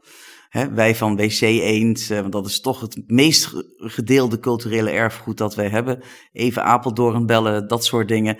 Dat noemen we allusies. Dus als je verwijst dus in je tekst ongeveer de tekst van Kennedy gebruikt, maar net een beetje anders. Dat is dan en een chiasme en een allusie. Ja, zoals dan de president in Amerika Lincoln aanhaalt. FDR, Reagan, hebben wij WC Eend. Ja. Marissa hier van Vriend van de Show met een boodschap van algemeen nut. Deze podcast wordt met veel liefde, plezier en eigen geld gemaakt. Wil je de maker steunen? Ga naar vriendvandeshow.nl en word vriend. Betrouwbare Bronnen heeft inmiddels ook al een rijk verleden. We zijn bijna toe aan onze 300ste aflevering. We besteden ook regelmatig aandacht aan speeches. Eh, bijvoorbeeld hebben we het gehad over Poetins bizarre toespraak aan het begin van de oorlog met Oekraïne. We hebben het gehad over Zelensky's toespraken tournee. We hebben zelfs twee afleveringen achter elkaar besteed, samen bijna vier uur pg, aan grote speeches in tijden van crisis. Toen Mark Rutte sprak vanuit het torentje en de week erop de koning aan het begin van wat we toen nog niet allemaal wisten, maar wel de pandemie. En toen hebben we heel veel speeches aangehaald en ook fragmenten daarvan laten horen. Maar wat ons toen opviel bij die twee afleveringen was dat de echt grote toespraken meestal toch niet uit Nederland komen.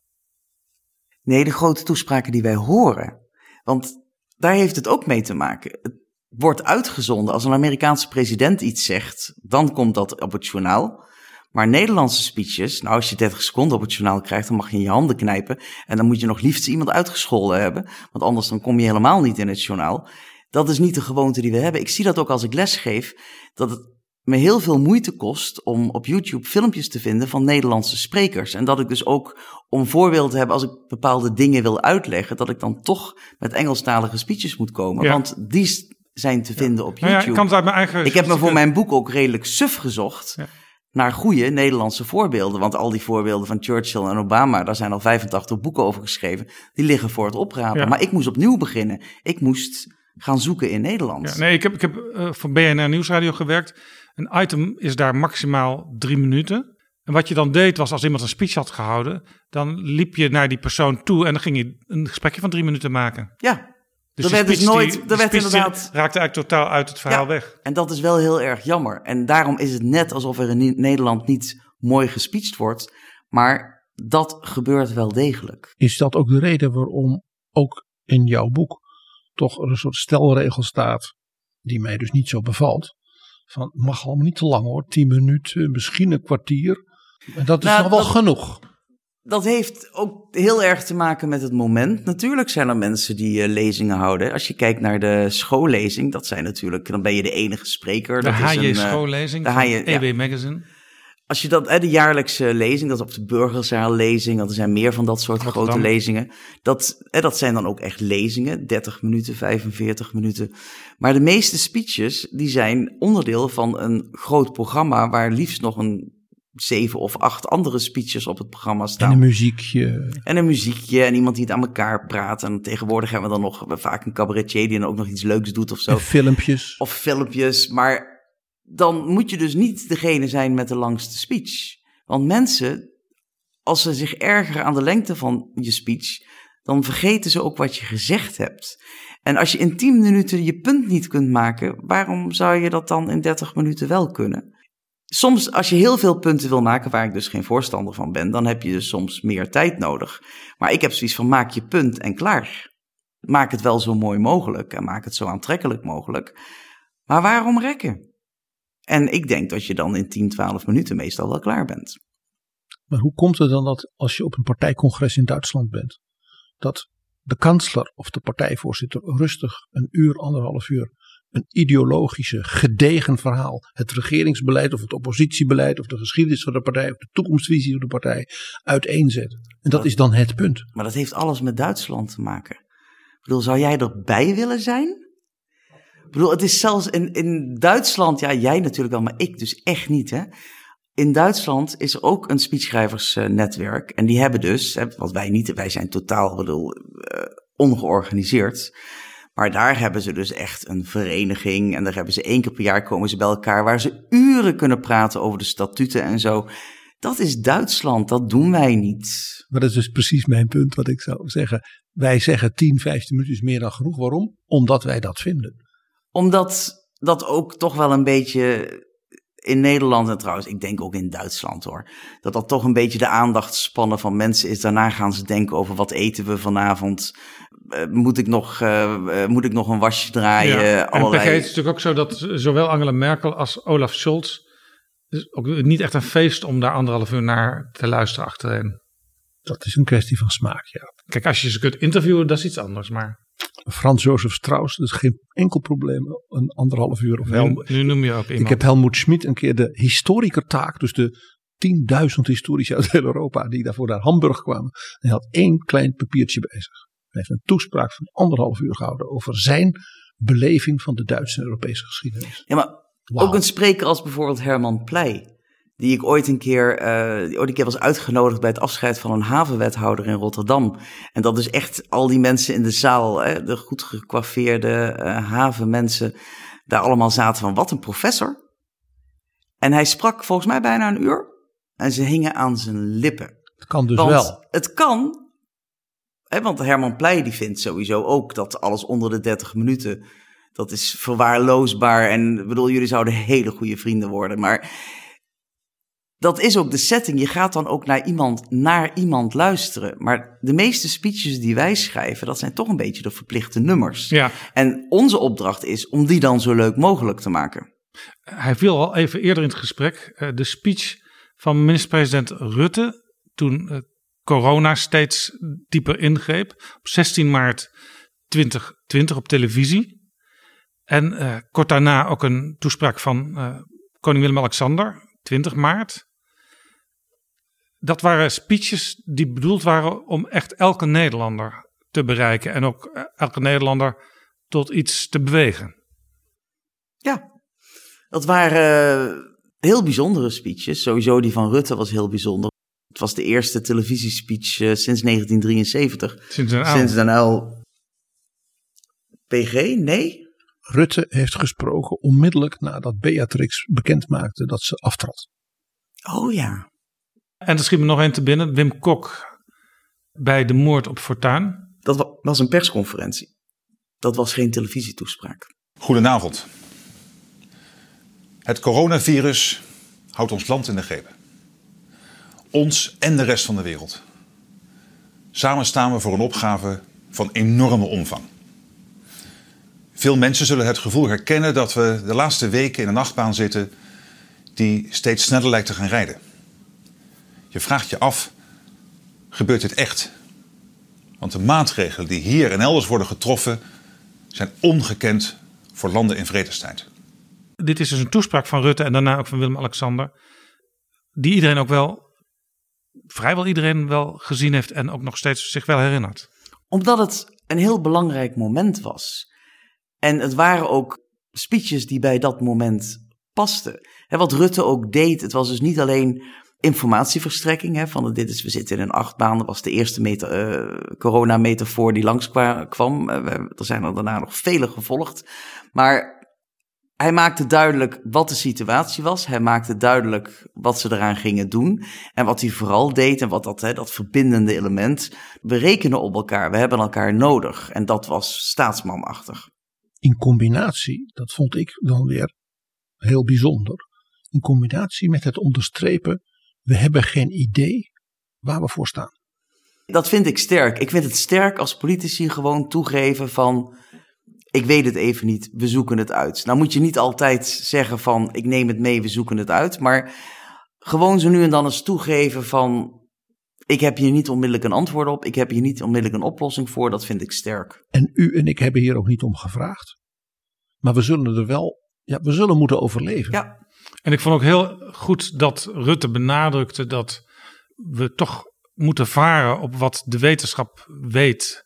En wat de wetenschap misschien uh, nu nog niet weet, maar laten we hopen in de loop van deze crisis steeds beter gaat ja. weten. Dus je werd in, in zekere zin ook serieus genomen, vond ik, als, als toeschouwer. Maar er werd ook gewaarschuwd tegen fake news eigenlijk. Ja, maar daarna kreeg je steeds die wekelijkse persconferenties van eerst Rutte inleidend en daarna Hugo de Jonge wat uitgebreider als minister.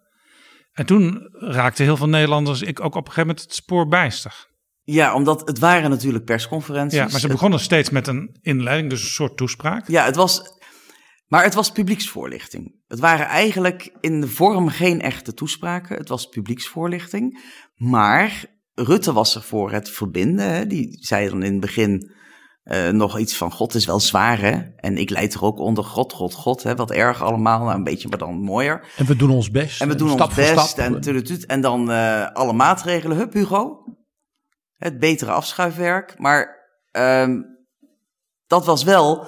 Het waren persconferenties. Hè. Er mochten daarna ook vragen worden gesteld. Het was niet dat je gewoon... Hè, dat ze kon, iets konden, dat ze iets zeiden en daarna wegliepen. Het was geen toneelstuk dat aan het eind, als Hugo klaar was, dat het gordijn dicht ging nee. en mensen konden klappen. Nee, sterker, was, sterker, nog, als ik uh, die minister had kunnen adviseren, niet als journalist, want als journalist mag het voor mij, kan het niet lang genoeg duren. Uh, maar als ik voorlichter was geweest, had ik gezegd, ja, hou die hele bijeenkomst tot een half uur beperkt of zo. Doe echt de belangrijkste dingen. Beantwoord nog een aantal vragen als er onduidelijkheden zijn. Maar uh, Hugo de Jonge, je schrijft het ook in je boek, die gebruikte elke bijeenkomst een nieuwe metafoor, een nieuwe vergelijking. Het virus was een mammoetanker dat geen paspoort heeft en niet met vakantie gaat. We waren bezig met een marathon die bestaat uit allemaal sprints achter elkaar. We moeten varen in de mist, sturen op de achteruitkijkspiegel en op het dashboard blijven kijken. We staan op een evenwichtsbalk en op een kruispunt. We zitten in een achtbaan. We maken samen een puzzel. Dat dashboard, ja. dat werd zelfs op een bepaald moment gemaakt. Hè? Dan kon je er aan. En dan heb ik geen rijbewijs. Dus ik was volstrekt los. Dat ik dacht, wat moet ik met een dashboard? Dus ik heb het idee dat, dat de gemiddelde Nederlander. Uh, uh, ja, steeds meer het bos in werd gestuurd bij elke nieuwe persconferentie. Ik denk ook dat het niet altijd bijdroeg aan de duidelijkheid.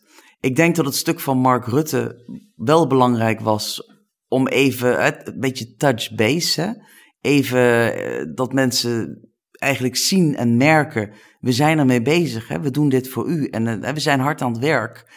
Maar de hele uitleg, al moet ik zeggen dat Hugo de Jonge wel beter werd naarmate het vorderde. Het was in het begin maakte hij er nog iets te veel een speech van. Maar daarna had hij ook wel door dat het publieksvoorlichting was. En werd hij ook steeds zakelijker.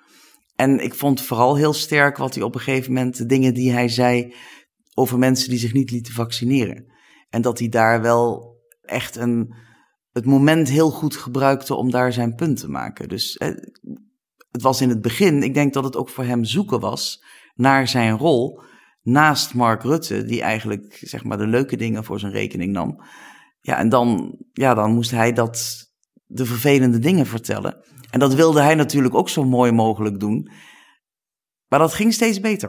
Het interessante was natuurlijk dat die de rolverdeling, dat Rutte die in zijn eerste speech zei, we weten eigenlijk nog niks. En desalniettemin gaan we, en dat doen we samen, er doorheen. Dat vervolgens dus in die persconferenties deed hij altijd het gedeelte van Hè, wat jij zegt, touch base. En alles wat we niet wisten, dat mocht Hugo doen. Ja, het was een hele slimme taakverdeling. Voor Mark Rutte.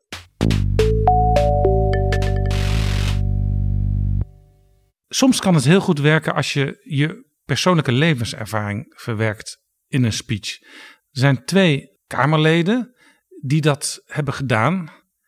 En waarvan jij zegt, nou de ene die deed het eigenlijk, ja, zo moet je het niet doen. En de andere deed het heel goed. Degene die het op een rare manier deed was Jesse Klaver van GroenLinks.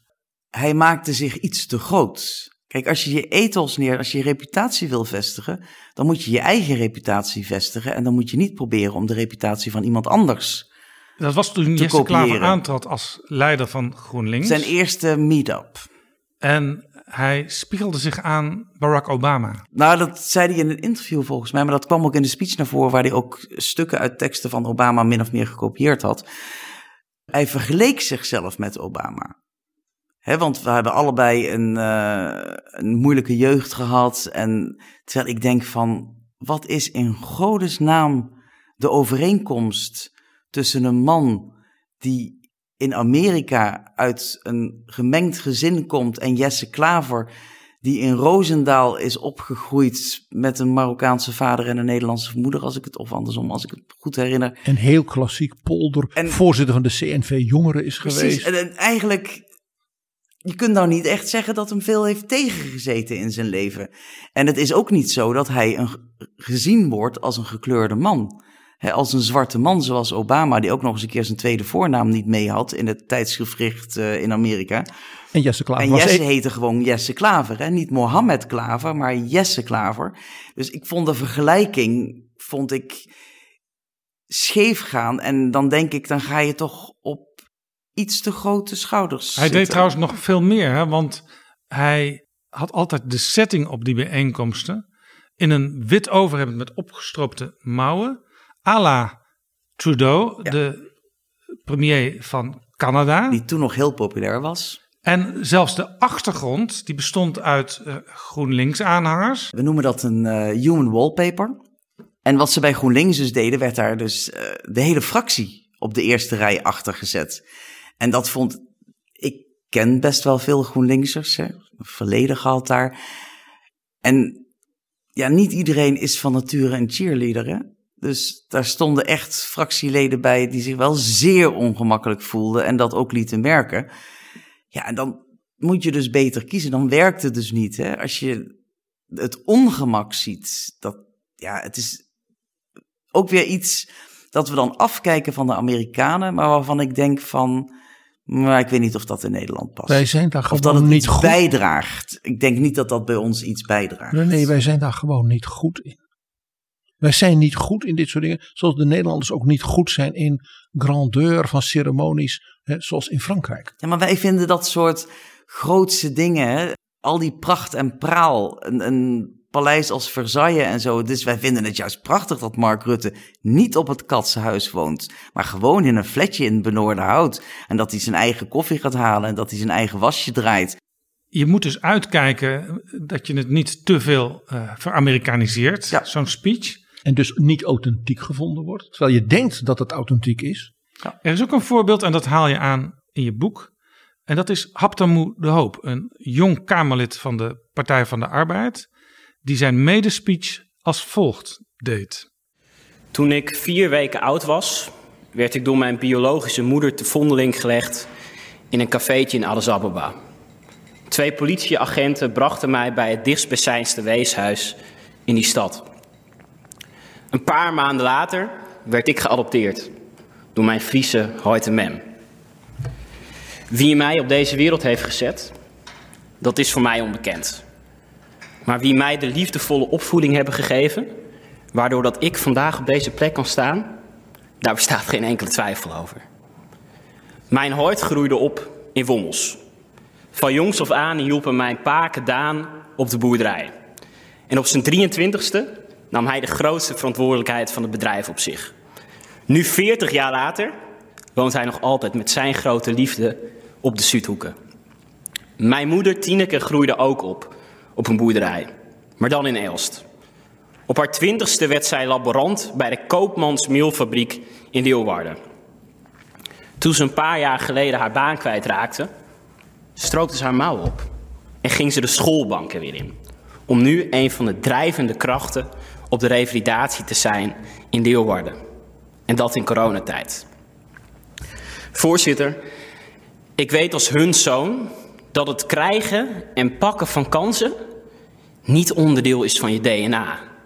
Het gaat over datgene en diegene die je om je heen hebt. Daar gaat kansengelijkheid over.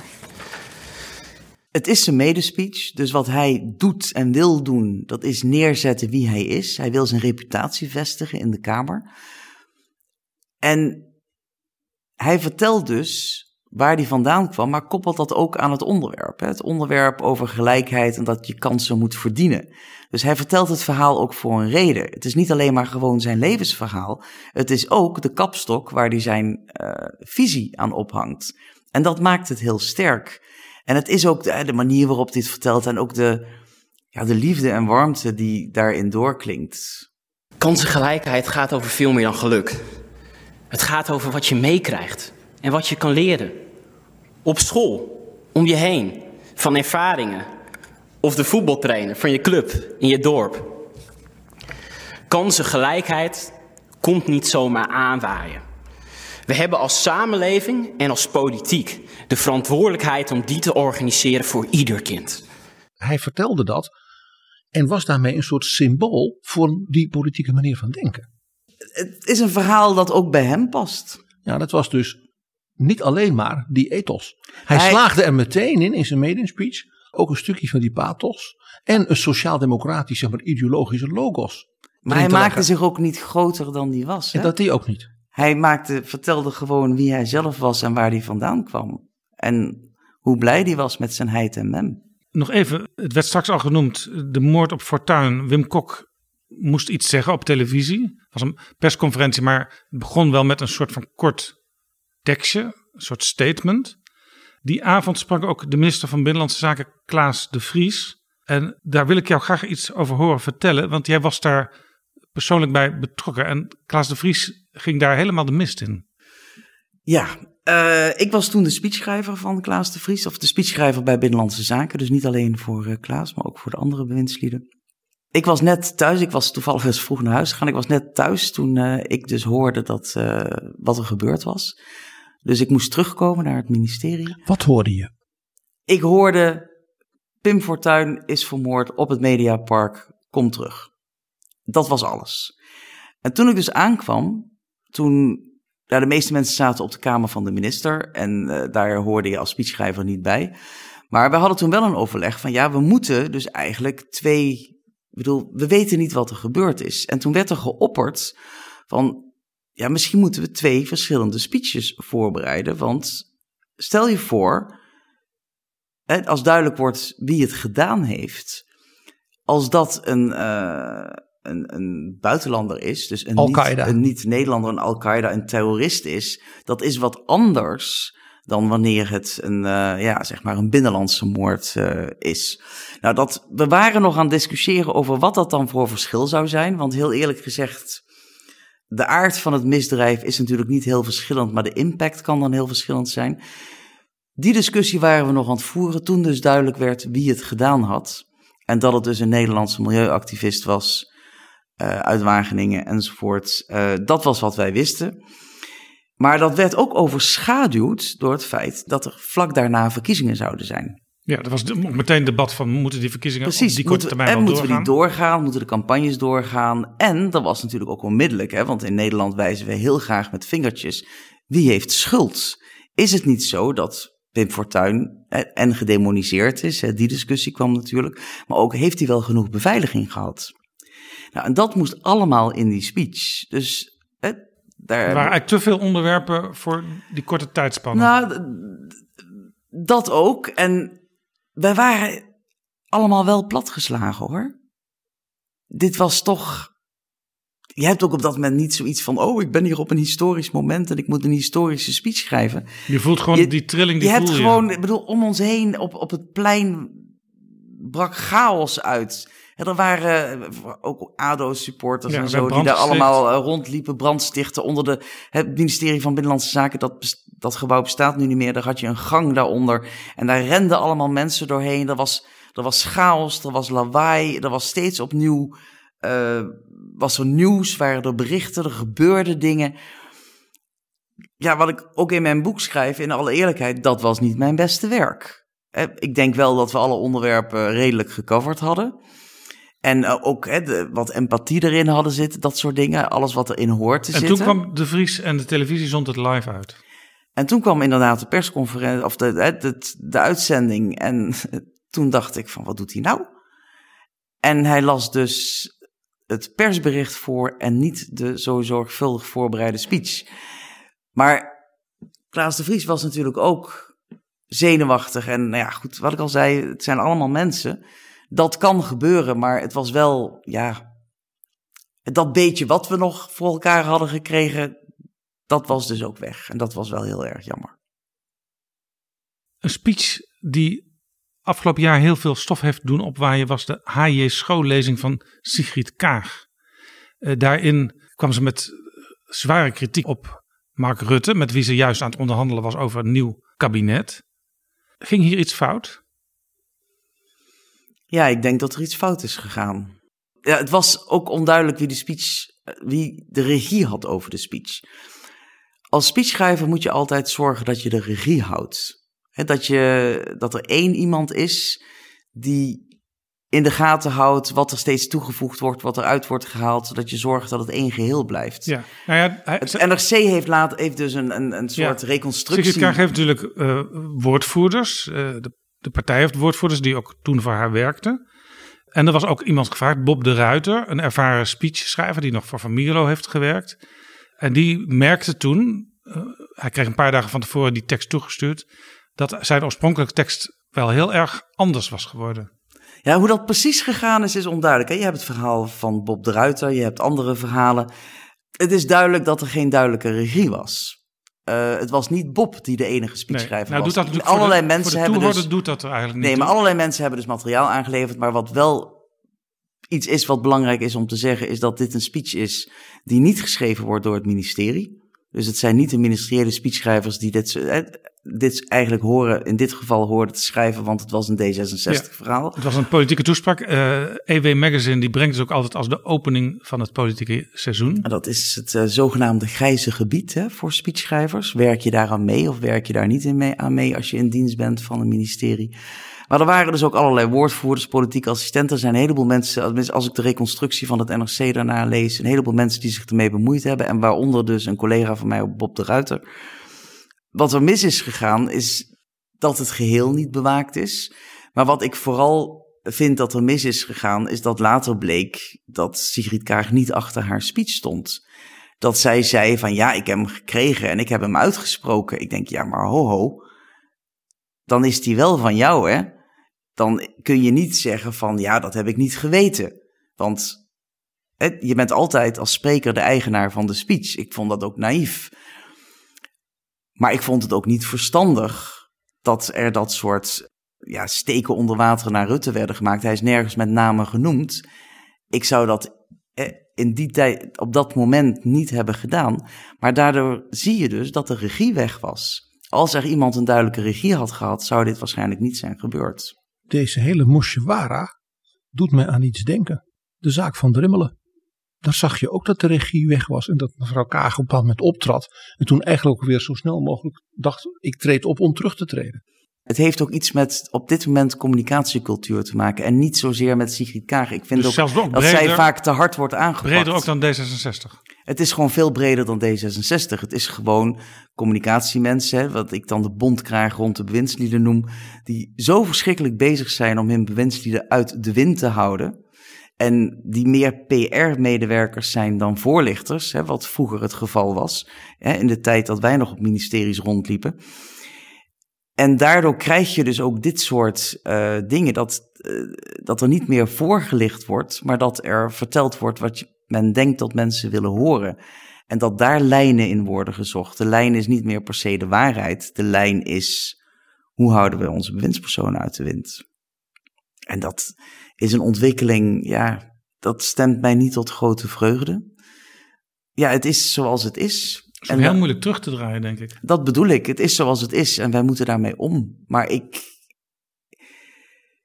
ik kijk daar wel met, met reserve naar. Je bent niet blij. Nee. Dit is Betrouwbare Bronnen. We gaan naar het einde van dit gesprek. Ik wil toch nog even een heel ander soort speech laten horen.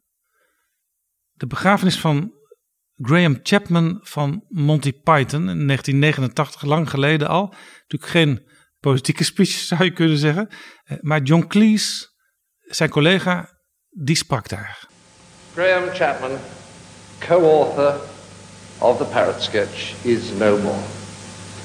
He has ceased to be. Bereft of life, he rests in peace. He's kicked the bucket, hopped the twig, bit the dust, snuffed it, breathed his last, and gone to meet the great head of light entertainment in the sky. And I guess that we're all thinking how sad it is that a man of such talent, of such capability for kindness, of such unusual intelligence, should now so suddenly be spirited away at the age of only 48 before he'd achieved many of the things of which he was capable and before he'd had enough fun. Well, I feel that I should say nonsense. Good riddance to him, the freeloading bastard, I hope he's friend. And the reason I feel I should say this is he would never forgive me if I didn't, if I threw, threw away this glorious opportunity to shock you all on his behalf. Anything for him but mindless good taste. I could hear him whispering in my ear last night as I was writing this. All right, please, he was saying, you're very proud of being the very first person ever to say shit on British television. If this service is really for me, just for starters, I want you to become the first person ever at a British memorial service to say fuck.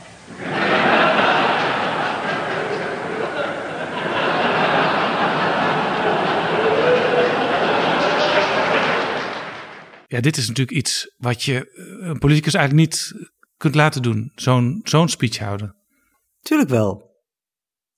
Ik vind dat eh, je kunt mensen een heleboel laten doen als het maar past bij de gelegenheid. En in dit geval, hè, voor iemand van Monty Python, als je dan niet grappig zou zijn, dan sla je echt de plank mis, hè?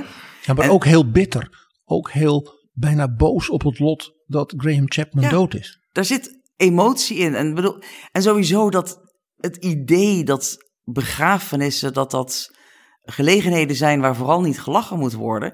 En waar degene die dood is alleen maar goede en grootse werken heeft verricht. Dat vind ik dus onzin. Hè? Er wordt altijd een mens begraven. En laten we het over die mens hebben. En als ik begrafenisspeeches schrijf, dan probeer ik altijd te zoeken naar dat stukje mens. Nou, dat is wat eh Cleese ook deed. En vooral in, natuurlijk in de Monty Python-traditie. Maar dat paste bij het moment, het paste bij de spreker, het paste bij het publiek, het paste bij de gelegenheid. Het was helemaal top. En ik zou het voor iedereen zo schrijven. Barack Obama heeft gesproken in de National Cathedral in Washington bij de uitvaartdienst van John McCain. En toen hij zei, ik was ja, vereerd, maar ook wel verrast. Want ik had hem verslagen in de campagne.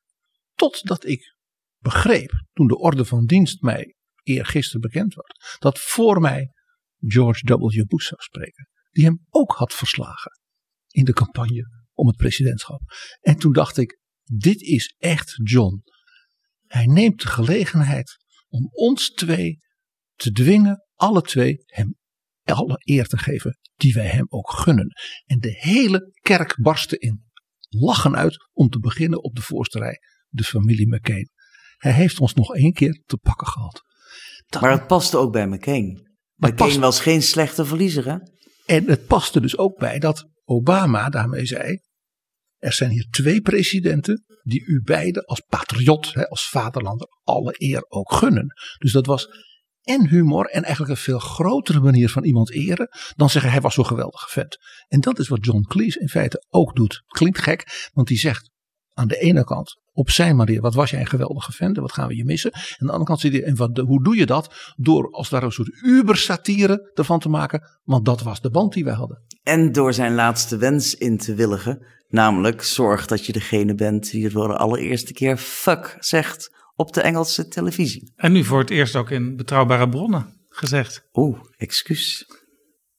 René, vandaag is het troonrede, daar hebben we het al over gehad. Deze week zijn ook de algemene beschouwingen. En dan zien we al die fractievoorzitters uh, het woord voeren.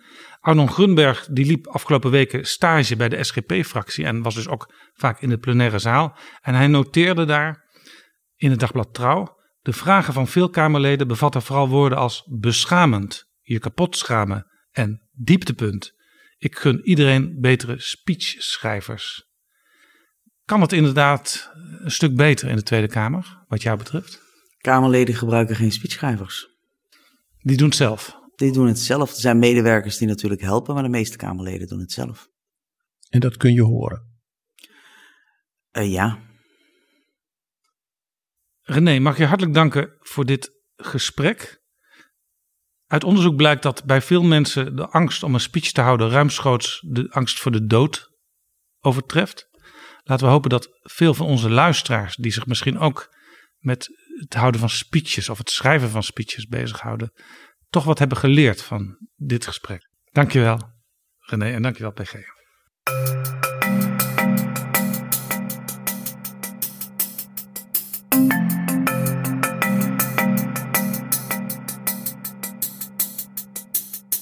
Zo, dit was Betrouwbare Bronnen, aflevering 293. Als je vriend van de show bent, dan kun je meedingen naar een van de vijf exemplaren van het boek van René. En hierover krijg je als je vriend bent een bericht in je mailbox. En als je nu nog snel vriend wordt, dan mag je ook meedingen. Je wordt vriend van de show via vriendvandeshow.nl slash bb. Lees dat geweldige boek. Tot volgende keer. Betrouwbare bronnen wordt gemaakt door Jaap Jansen in samenwerking met dag en nacht.nl.